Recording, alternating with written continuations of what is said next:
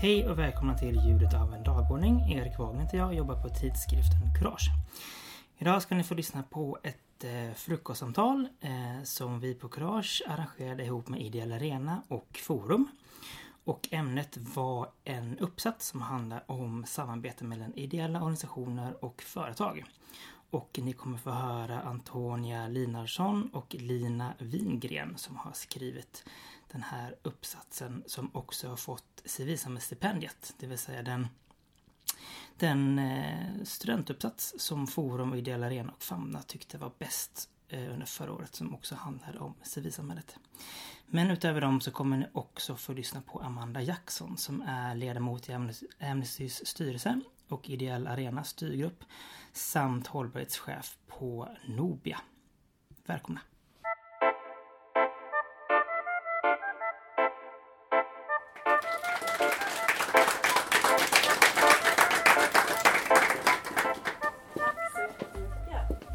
Hör ni oss? Ja. Vad bra. Eh, vi är jätteglada att vara här idag och få träffa alla er. Eh, och när två världar möts, ja, men det är precis det som händer i de här samarbetena. Det är två väldigt eh, olika eh, organisationer som möts i de här samarbetena. Eh, och det händer väldigt mycket. Eh, och vi har faktiskt kunnat se att de här samarbetena blir väldigt vanliga på den eh, sven svenska marknaden.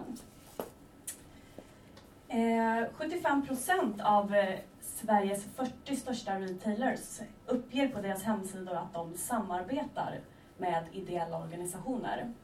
Och här ser ni tre exempel, eh, men vi har i vår uppsats eh, visat väldigt många exempel. Och vi visar dessutom i en kartläggning att ideella organisationer vill attrahera företagen. Ehm, vi kan se att man har tagit fram olika typer av program, olika typer av paket för att göra det lättare för företagen att donera pengar och skapa ett långsiktigt samarbete. Och eh, vi ser dessutom att de här, den här samarbetsformen har förändrats. Det har liksom gått från en donation till att bli mer relation. Eh, och vi ser också att det är väldigt stora pengar inblandade i det här. Eh, under 2015 så donerade företag 3,3 miljarder kronor till eh, ideella organisationer. Eh, så att det är väldigt stora summor som är inblandade här. Så att det är en väldigt viktig inkomstkälla också för ideella organisationer att få, eh, få de här pengarna från företagen. Och det är många som, eh, som har insett det och det är nog därför som att eh, det har blivit så populärt. Och vi kan också se att båda parter har ju väldigt mycket att vinna på, en sån här, på ett sånt här samarbete. Eh, om man vill kolla på företag till exempel så är de väldigt, det är en ökad press från omvärlden, från intressenter, från eh, eh, liksom hela, hela samhället, media, kunder, eh, att faktiskt jobba med CSR-frågor. Eh, så att det är väldigt, de har en ökad press på sig och de är inte legitima i de här frågorna. Och där behöver man hjälp av de ideella organisationerna för att få den här legitimiteten. Eh, och om man kollar på de ideella organisationerna, ja, men precis som vi var inne på, det är stora pengar som ligger i de här företagssamarbetena. Eh, och man behöver dem för att kunna uppfylla sitt sociala mål, alltså det primära målet man, man jobbar för. Så vad är det då som vi såg här när vi började skriva vår uppsats? Vi, vi, vi såg någon slags situation här i, eh, i samhället i Sverige Eh, och vi ser då, som vår kartläggning visar, att det är ett utbrett fenomen på den svenska marknaden eh, att, vi, att vi har de här samarbetena. Eh, vi ser också att man, eh, det är inte en enstaka transaktion längre. Det är inte bara en donation som görs från företagens sida. Utan man vill samarbeta mer långsiktigt. Och vi gjorde också en eh, förstudie i vår uppsats och där kunde man se att båda parter vill, man vill jobba långsiktigt. Man vill inte bara ha den här transaktionen en gång, utan man vill jobba mer på lång sikt och strategiskt. Men vi kunde också se att det är, om man bara kollar på teori, så ser vi att det är två organisationer som är helt olika. Man har helt olika mål, helt olika organisationsstruktur, eh, helt olika förutsättningar och förväntningar från samhället. Eh, och enligt teori så ska de här två organisationerna inte kunna samarbeta. Man krockar helt enkelt för mycket. Och det finns nämligen också väldigt få studier som visar hur, hur kan man samarbeta långsiktigt mellan två organisationer som är så pass olika. Eh, och vi har då kombinerat två stycken stora eh, teoretiska forskningsområden i vår uppsats som inte har kopplats samman eh, så mycket tidigare för att undersöka det här. Så i vår uppsats så mynnade allting, den här situationen och de liksom problem som vi, som vi såg, mynnade ut i en fråga som eh, handlar om hur kan de här två organisationerna samarbeta långsiktigt och strategiskt trots de olikheter som, som man har. Och teoretiskt så kallas de här, olika, eh, de här olikheterna institutionella logiker. Så jag tänkte bara gå in på det väldigt, väldigt, väldigt kort. Eh, men som jag sa så eh, kollade vi på två forskningsområden. Eh, logiker var en, eh, vilket innebär att eh, jag ska, jag har en liten, något som är skrivet här. Så en logik är något som man tar för givet. Eh, någonting som, eh, som gör att man blir legitim på en marknad. Eh, så att här är man ju väldigt olika de här två organisationsformerna. Eh, och forskningen visar att, som jag sa, att de här två organisationerna ska inte kunna samarbeta för man är så pass olika. Eh, och det blir helt enkelt krockar eh, som gör att det blir väldigt mycket spänningar i det här samarbetet. Eh, så det är det som är väldigt spännande och det vi verkligen fastnade för i vår uppsats. Att i teorin ska de här inte kunna samarbeta, men vi ser i verkligheten, vi ser att 75 procent av Sveriges 40 största retailers samarbetar med ideella organisationer. Så vi ser att det här görs, men det är ju det är ingen riktigt som har kollat på hur ska man göra då för att det ska bli lyckat? Och vad kan man som organisation göra? Eh, och då pratar vi både som företag men också som ideell organisation. Vad kan man göra för att faktiskt få det att fungera? Så i vår teoretiska modell som vi tog fram så är det viktigt att kolla på, vi kollade på två delar kan man säga.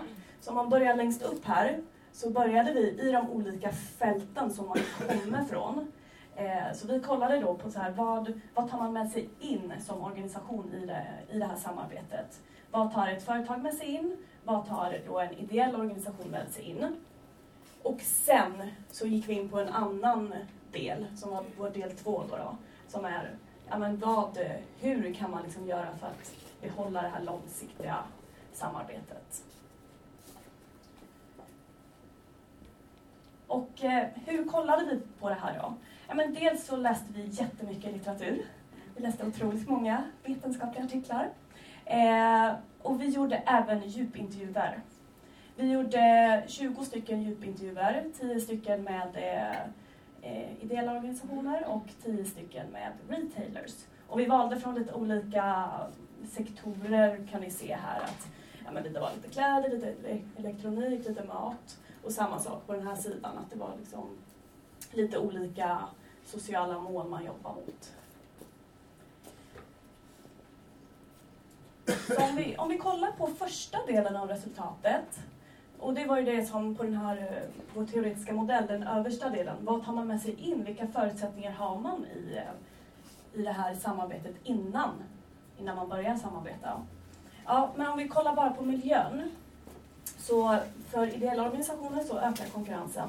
Eh, det är väldigt många organisationer ute där idag och man kämpar ju för samma pott av pengar. Man, man vill ju ha den här, en del av en plånbok som, som finns där ute. Eh, och många uttryckte, som vi intervjuade, uttryckte att det finns en stor ödmjukhet i branschen att man, eh, man kanske inte tar varandras kunder på samma sätt som man kanske gör eh, i näringslivet, liksom på företagssidan. Eh, så det är en väldigt, och till exempel som sådana här forum, alltså man, man ses och delar med sig av, eh, av väldigt mycket. Eh, och kollar vi på företagssidan så ser vi att det är en väldigt ökad press från kunder, konkurrenter. Det finns lagar som säger att man måste göra, jobba med vissa saker beroende på om man är börsnoterad eller inte och sådana saker. Ehm, och här som sagt behöver man eh, bli legitim som företag. Ehm, kollar vi på mål och då ser vi att en ideell organisation har primärt sociala mål. Men man kan ju ha andra mål som är sekundära, som till exempel eh, Eh, det kan vara finansiella mål, till exempel att jag ska få in X kronor för att kunna uppfylla mitt primära mål. Och kollar vi på företagen, ja men det är ju, då är det ultimata målet att generera vinst till sina ägare. Om det är aktieägare eller om privatägare eller vem, vem det nu är. Men man kan ju också, där kan man ju ha, det är omvänt, man kan ju ha ett sekundärt mål som är ett CSR-mål till exempel. Men det kan vara andra typer av sekundära mål också såklart. Eh, organisationsform, om man kollar lite här på de intervjuer vi gjorde så en ideell organisation eh, vill väldigt gärna uppfattas som eh, professionell. Det är, ingen, eh, det är inget liksom, eh, det är ingen lek utan det här är på allvar. Det är liksom, eh, man, man vill hjälpa, man vill lösa ett socialt problem. Så att man vill verkligen uppfattas som en professionell organisation och det krävs mycket tid för att, eh, för att eh, kunna lösa de här sociala problemen. Medan ett företag, eh, vinstgenererande, vill ju liksom maximera varje krona. Och eh, vill också uppfattas som det goda företaget. Man vill liksom uppfattas som att man gör någonting bra. Eh, och avslutningsvis, eh, hur får man legitimitet? Ja, alltså en ideell organisation har ju legitimitet i de här sociala frågorna och man är verkligen expert på, den, eh, på, dem, på de frågorna. Medan eh, ett företag är legitima inom sin expertis. Så det kan ju vara försäljning eller det kan vara någonting annat. Um, så det här, det här är ju väldigt viktigt att förstå hur man, vad man tar med sig in i ett samarbete. Och det här är liksom något som eh, det, det har man med sig och det är, det är något som liksom ligger som en eh, assumption, alltså det är något som man eh, har med sig. Men frågan är ju då hur, vad kan man göra för att, eh, för att faktiskt eh, förbättra samarbetet och vad kan man som organisation göra?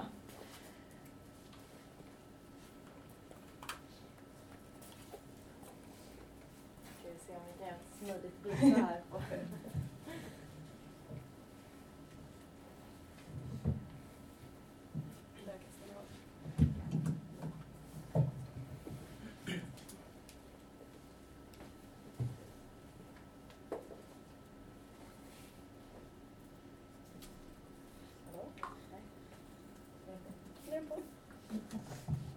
Hallå? Nu? Toppen. Ja. Eh, Ehm, så nu har Lina berättat för er vad man som parter tar med sig in i samarbetet. Ehm, och då kunde vi då i, utifrån de här intervjuerna identifiera sju stycken egentligen framgångsfaktorer. Eh, hur man skapar långsiktiga och strategiska samarbeten. Eh, trots då att de har de här olika drivkrafterna. Så jag tänkte nu berätta lite för er om, om de här sju. Och då kan vi börja med eh, den första som handlar om att det är otroligt viktigt att koppla samarbetet till kärnverksamheten. Och då pratar vi om retailers verksamhet. Att man hittar på något sätt en naturlig koppling. Eh, och vi kan se här, eh, en NPO uttryckte sig vi försöker hitta delar som passar företagen. Det är viktigt att få in det i deras affärsidé. Eh, och retailen uttryckte sig, samarbete är ett bra sätt att hjälpa till på, men det ska passa in också i ett bolag. Det ska vara relevant för verksamheten. Så här ser vi båda parter uttrycker väldigt tydligt just den här faktorn. Eh, och de här kopplingarna kan man hitta på olika sätt. Det kan vara antingen att man har en gemensam målgrupp, båda kanske jobbar mot barn, eh, det kan vara att man eh, jobbar mot samma område i världen och man kan göra aktiva insatser tillsammans där. Eh, men det kan också vara mer dolda kopplingar. Det kan bero på vad, vad är syftet med samarbetet. Är det att man vänder sig till exempel mot att skapa engagemang för medarbetarna? Hur gör man det på bästa sätt? Då kanske man hittar andra kopplingar hur man verkligen kan skapa engagemang. Eh, men just att hitta någonting som man naturligt kan bygga på och utveckla länge och långsiktigt som skapar liksom, eh, meningsfullhet för antingen då medarbetare eller kunder. Eh, det är otroligt viktigt för att det här ska bli bra. Och nästa faktor då, det handlar om att man eh, måste skapa engagemang från både organisationen och ledningen. Och det här kanske är en väldigt viktig faktor skulle jag säga generellt för att ett samarbete ska bli bra. Och då pratar vi om mest från retailers, att det är viktigt att ledningen faktiskt har gått in och uttalat sig om att det här är en viktig fråga för oss och vi vill satsa på det här.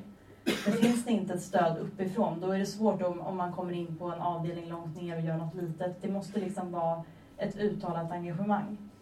Eh, och får man dessutom till då att engagera medarbetarna som liksom trycker på underifrån, då skapar man ju verkligen eh, ett bra samarbete.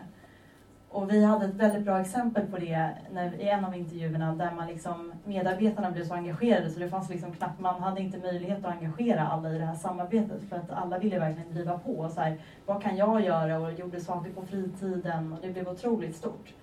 Eh, så att just får man till det här, och då, då pressar man ju också ledningen att faktiskt lägga resurser på det här och göra det här bra. Så att skapa engagemang eh, och ha det från, framförallt då från ledning är otroligt viktigt. Och till den tredje faktorn då, som vi såg, det är att man har en ambition att satsa långsiktigt och strategiskt. Man förstår liksom vikten av de här samarbetena. Eh, och för en eh, ideell organisation så handlar det mycket om att eh, självklart är det en trygghet att ha en lång eh, relation, för det är en trygghet i intäkter, eller att få, få in pengar till verksamheten.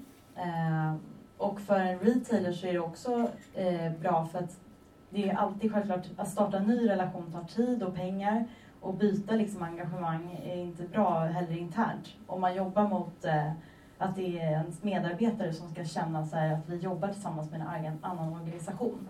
Om man då ena dagen stödjer organisation X och andra dagen stödjer organisation Y, det blir väldigt rörigt för medarbetarna. Så alla vinner också på om man vill skapa engagemang, att verkligen liksom välja ett samarbete som man tydligt kan kommunicera ut i sin organisation. Så, till den fjärde faktorn. Eh, då tittade vi på att just det här hur man utformar själva samarbetet. Eh, och där var det viktigt att man sätter gemensamma mål och aktiviteter. Eh, och det vi såg var att det är viktigt att båda driver relationen framåt. Eh, det var väldigt tydligt att när retailers låg på och kom med egna idéer och liksom engagerade sig och ringde upp och bara “men du, jag har tänkt på det här, ska jag inte göra det här?” Att, eh, och tillbaka då att den eh, som jobbade från andra sidan också liksom, men gud det där var kul. Och då, det skapades verkligen ett engagemang. Och att man satte det på bådas villkor och liksom bollade idéer tillsammans var väldigt viktigt. Eh, det vi såg också ofta i samarbetet var att man ansvarade ofta sen när man skulle göra aktiviteterna för det som var ens expertis. Så retail sitter ju ofta på att de kan göra de här kommersiella delarna, kanske själva om man ska sälja en produkt eller så vidare så det är de som ser till att ordna det. Medan eh, en ideell organisation mer eh, kom kommer med idéer och input och vad ska stå om det här och hur, hur eh, liksom förmedlar vi det här. Ehm, så det var också väldigt tydligt att man ofta ansvarar för sin expertis. Ehm, sen upptäckte vi också i den här dimensionen att ett lite ett varningstecken. För att hos retailers finns det, det kan uppkomma en frustration ibland Eh, för att man inte kanske riktigt förstår de resursbegränsningar som kan finnas i en ideell organisation. Eh, Och man ställer kanske krav som inte riktigt går att leva upp till. Och här hade vi också ett väldigt tydligt exempel att eh, det var en kvinna som berättade att hon fick frågan så här men hörru, kan, kan inte ni bara skicka över de här, vi behöver bilder till våra medarbetare. Kan ni inte ta lite bilder på när de här barnen står där och så kan de hålla en get och liksom. Eh, och då så fick hon liksom förklara att du, vi har liksom ingen proffsig fotograf på plats som kan ställa upp de här barnen och ta den här flashiga bilden. Det är liksom inte riktigt så det funkar. Eh, och den här förståelsen är väldigt viktig att bygga upp. Eh, så att det är, oj, det är vår nästa punkt. Att det är otroligt viktigt att i samarbetet man skapar den här förståelsen för varandras organisationsformer och olikheter. För att eh, just i sådana här fall att liksom, det är också väldigt vanligt det här man ber om att eh, köp en vatten så donerar vi två vatten, säger retailern. Kan vi inte göra något sånt? Medan för en ideell organisation kanske det är bättre att få pengarna så att de själva liksom kan ge det som passar bäst. Det kanske inte är vatten som behövs där utan det är en mat eller något annat. Och att förklara det här, att liksom förstå varandras olikheter är otroligt viktigt. Ja, nu. Ah. Här har ni sliden. Eh, så att, ja, den säger precis det. Att det tar tid att skapa den här förståelsen. Eh, och retailers måste också kunna förstå liksom, de här resursbegränsningarna eh, som kan finnas. Och då bygger man det och skapar ändå, liksom, trots det här ett bra samarbete, så kan man jobba långsiktigt. För att det tar oss ju vidare till det här, ett samarbete, det måste ju också på något sätt finnas en win-win. För att det blir aldrig ett bra eller långsiktigt samarbete om det är bara en part som känner att de gör allt eller får ut allt. Utan det måste ju finnas, båda måste vinna någonting. Uh, och det vi ofta såg var att uh, ideella organisationer, det handlar ju ofta om, vinningen där är som sagt pengar men också ökad synlighet. Man kan via retailen nå ut till väldigt många kunder eller få nya eh, personer som kan donera pengar. Eh, så det är ett väldigt bra sätt att eh, göra marknadsföring i princip. Och för retailer så ser vi att det handlar ju som sagt mycket om att skapa legitimitet eh, och trovärdighet. Och här hade vi också en intervju som sa det väldigt bra att ja visst skulle vi vilja gå ut själva och säga så här, hörni, det, kan inte donera lite pengar till vårt interna CSR-arbete? Men det är ju ingen som skulle liksom, som kund vilja, varför ska jag ge pengar till, till er för CSR-arbete? Det ska väl ni sköta själva. Men går man via ett samarbete och man jobbar då till exempel i samma land som en eh, ideell organisation så kan man ju via att jobba ihop be om att få stöd och pengar. Så det finns en synergi här som man kan bygga på eh, som eh, retailen vinner på. Eh, och också självklart NPOn från sitt perspektiv. Eh, och sen en ytterligare faktor som eh, börjar efterfrågas mycket från retailers är kompetens inom, och kunskap. För ideella organisationer sitter på otroligt mycket kunskap inom deras områden. Eh, och att få det och liksom, hur kan vi jobba med de här frågorna och vad kan vi göra? Det var väldigt vanligt och, och någonting som efterfrågades. Och så kommer vi då till den sista faktorn som vi såg. Och det handlar om att skapa förtroende och ha en transparent relation. Och det här är faktiskt något jag skulle säga har blivit allt viktigare. Och det tror jag vi alla känner igen oss i idag, att vi som, både som kunder och privatpersoner ställer väldigt... Man vill liksom veta om jag köper en tröja eller en, en, en mat, mat någonstans. Var, är det här tillverkat? Vad är det här? Och vi börjar ifrågasätta mycket mer företagen och liksom det vi gör och det vi köper och vi vill veta vad ligger bakom. Och det är också vanligt i de här relationerna från retailers sida. Att man ställer mycket mer krav på att så här, förr kanske man donerade pengar men man eh, behövde inte samma rapportering tillbaka. Idag vill retailers ha väldigt tydligt, liksom, vad gick mina pengar? Vad gjorde ni för det här? Kan vi få ja, bilder och kan vi liksom få se vad som hände? Man vill liksom veta, det vill vara, de vill att det är transparent och tydligt. Så att de också kan sprida det för alla, liksom se vad vi har lyckats bidra med genom att jobba med den här organisationen. Eh, så att det här är en faktor som har blivit desto viktigare, men som kanske inte alltid är så lätt för en ideell organisation att leverera tillbaka på grund av, ja, som vi talade om tidigare. Så, då kommer vi till vår slutsats och bidrag. Eh, så det vår uppsats landade i då, det var ju de här, som Lina pratade i början, kartläggningen. Hur ser marknaden ut? Hur samarbetar vi idag? Eh, och sen att de här sju faktorerna, hur skapar vi faktiskt? Hur kan vi skapa långsiktiga samarbeten eh, och strategiska relationer mellan de här två parterna? Och ur ett teoretiskt perspektiv som vi inte pratar så mycket om idag, Eh, så, men då har vi visat eh, bidragit till institutionell teori, hur de här logikerna som inte ska kunna mötas ändå kan mötas i ett samarbete.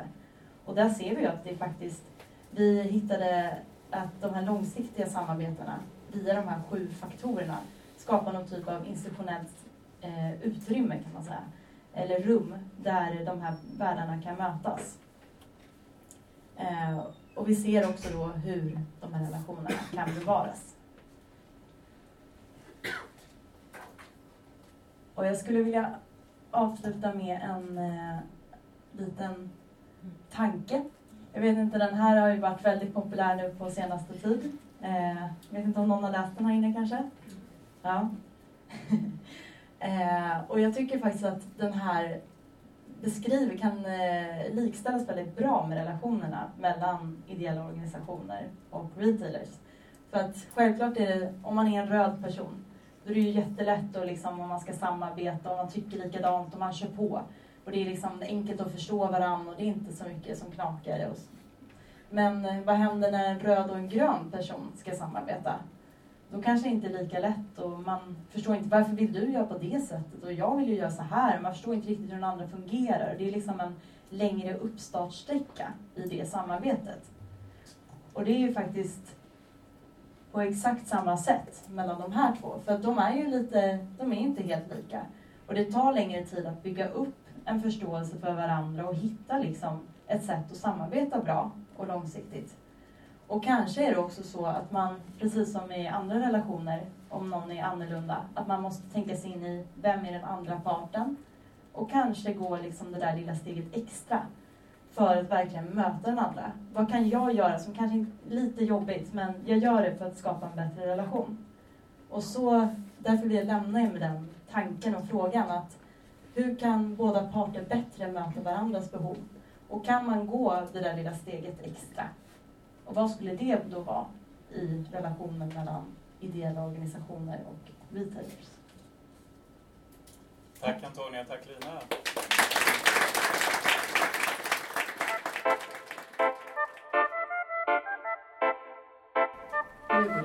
Ja, lysande. Tack så mycket och tack för tålamodet. Men Amanda Jackson heter jag. jag. Har jobbat som hållbarhetschef på Swedbank i många år.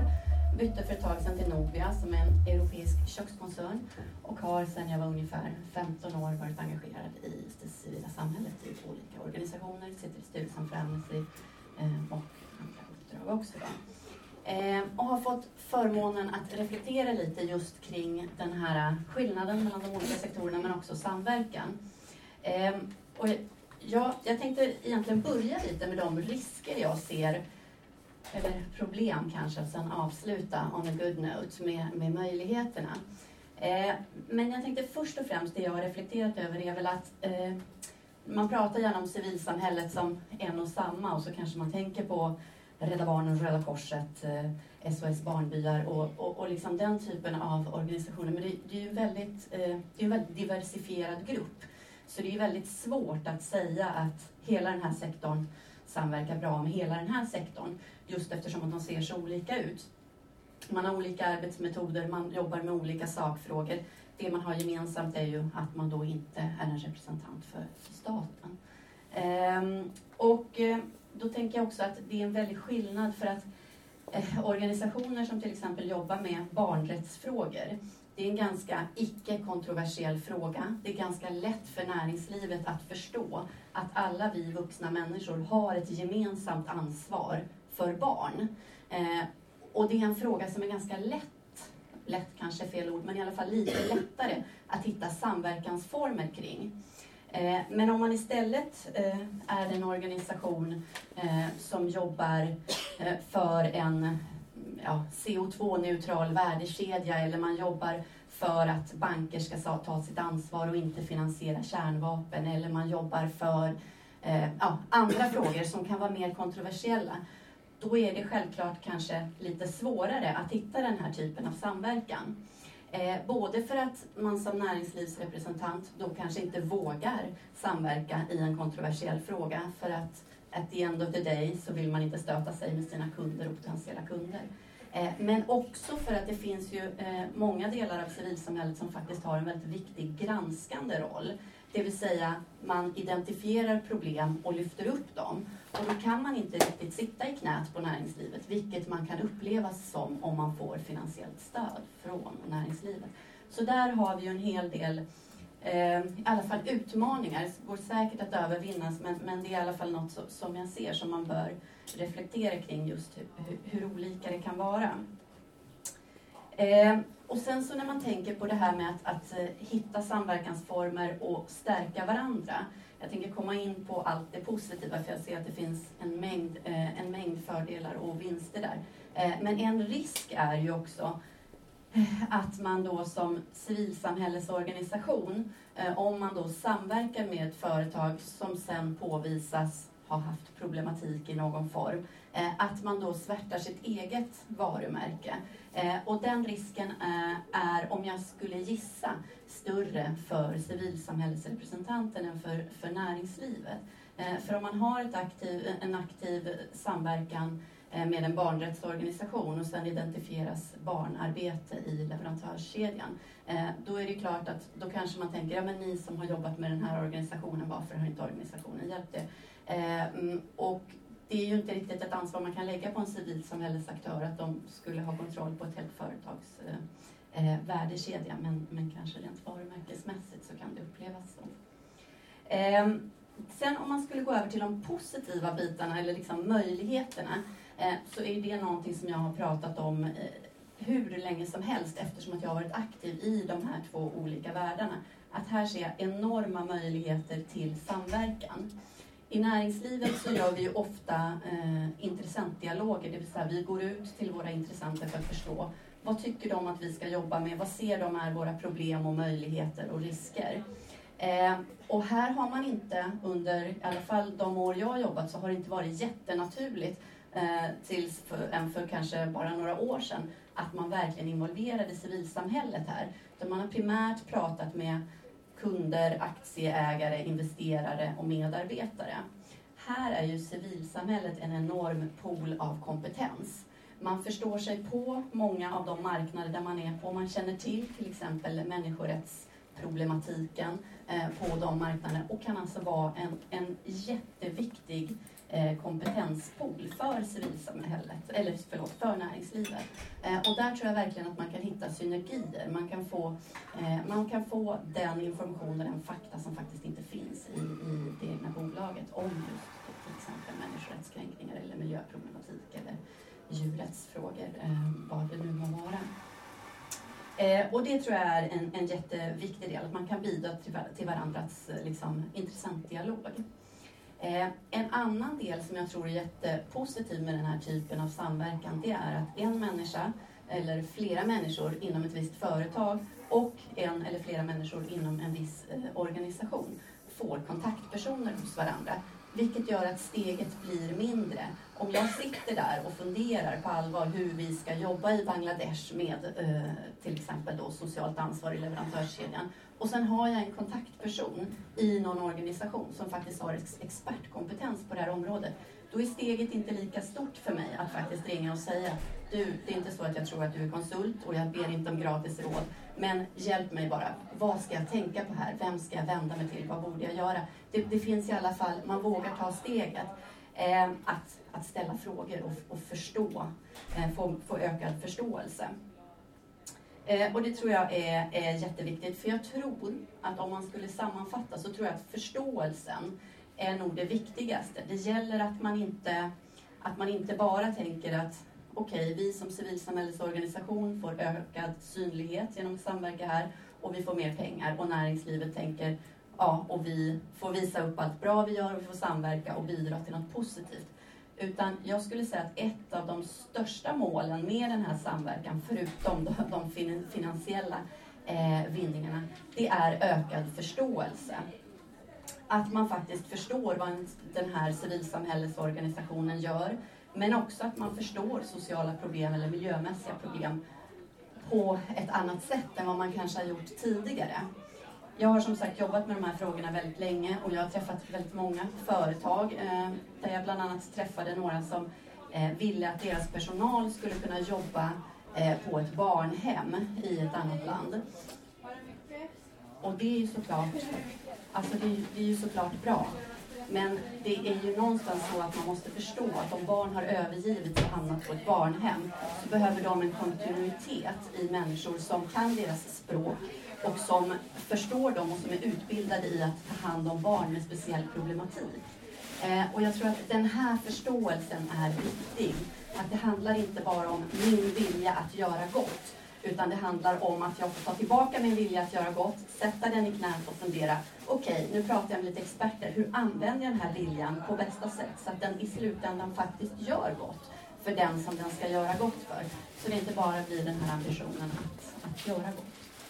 Eh, och det tror jag är väl egentligen det absolut viktigaste. Att det här sam samarbetet faktiskt gör att man skapar förståelse eh, för frågor och hur man, hur man på bästa sätt kan lösa dem eh, gemensamt. Och det är väl ungefär så långt jag har kommit i mina, eh, i mina reflektioner hittills.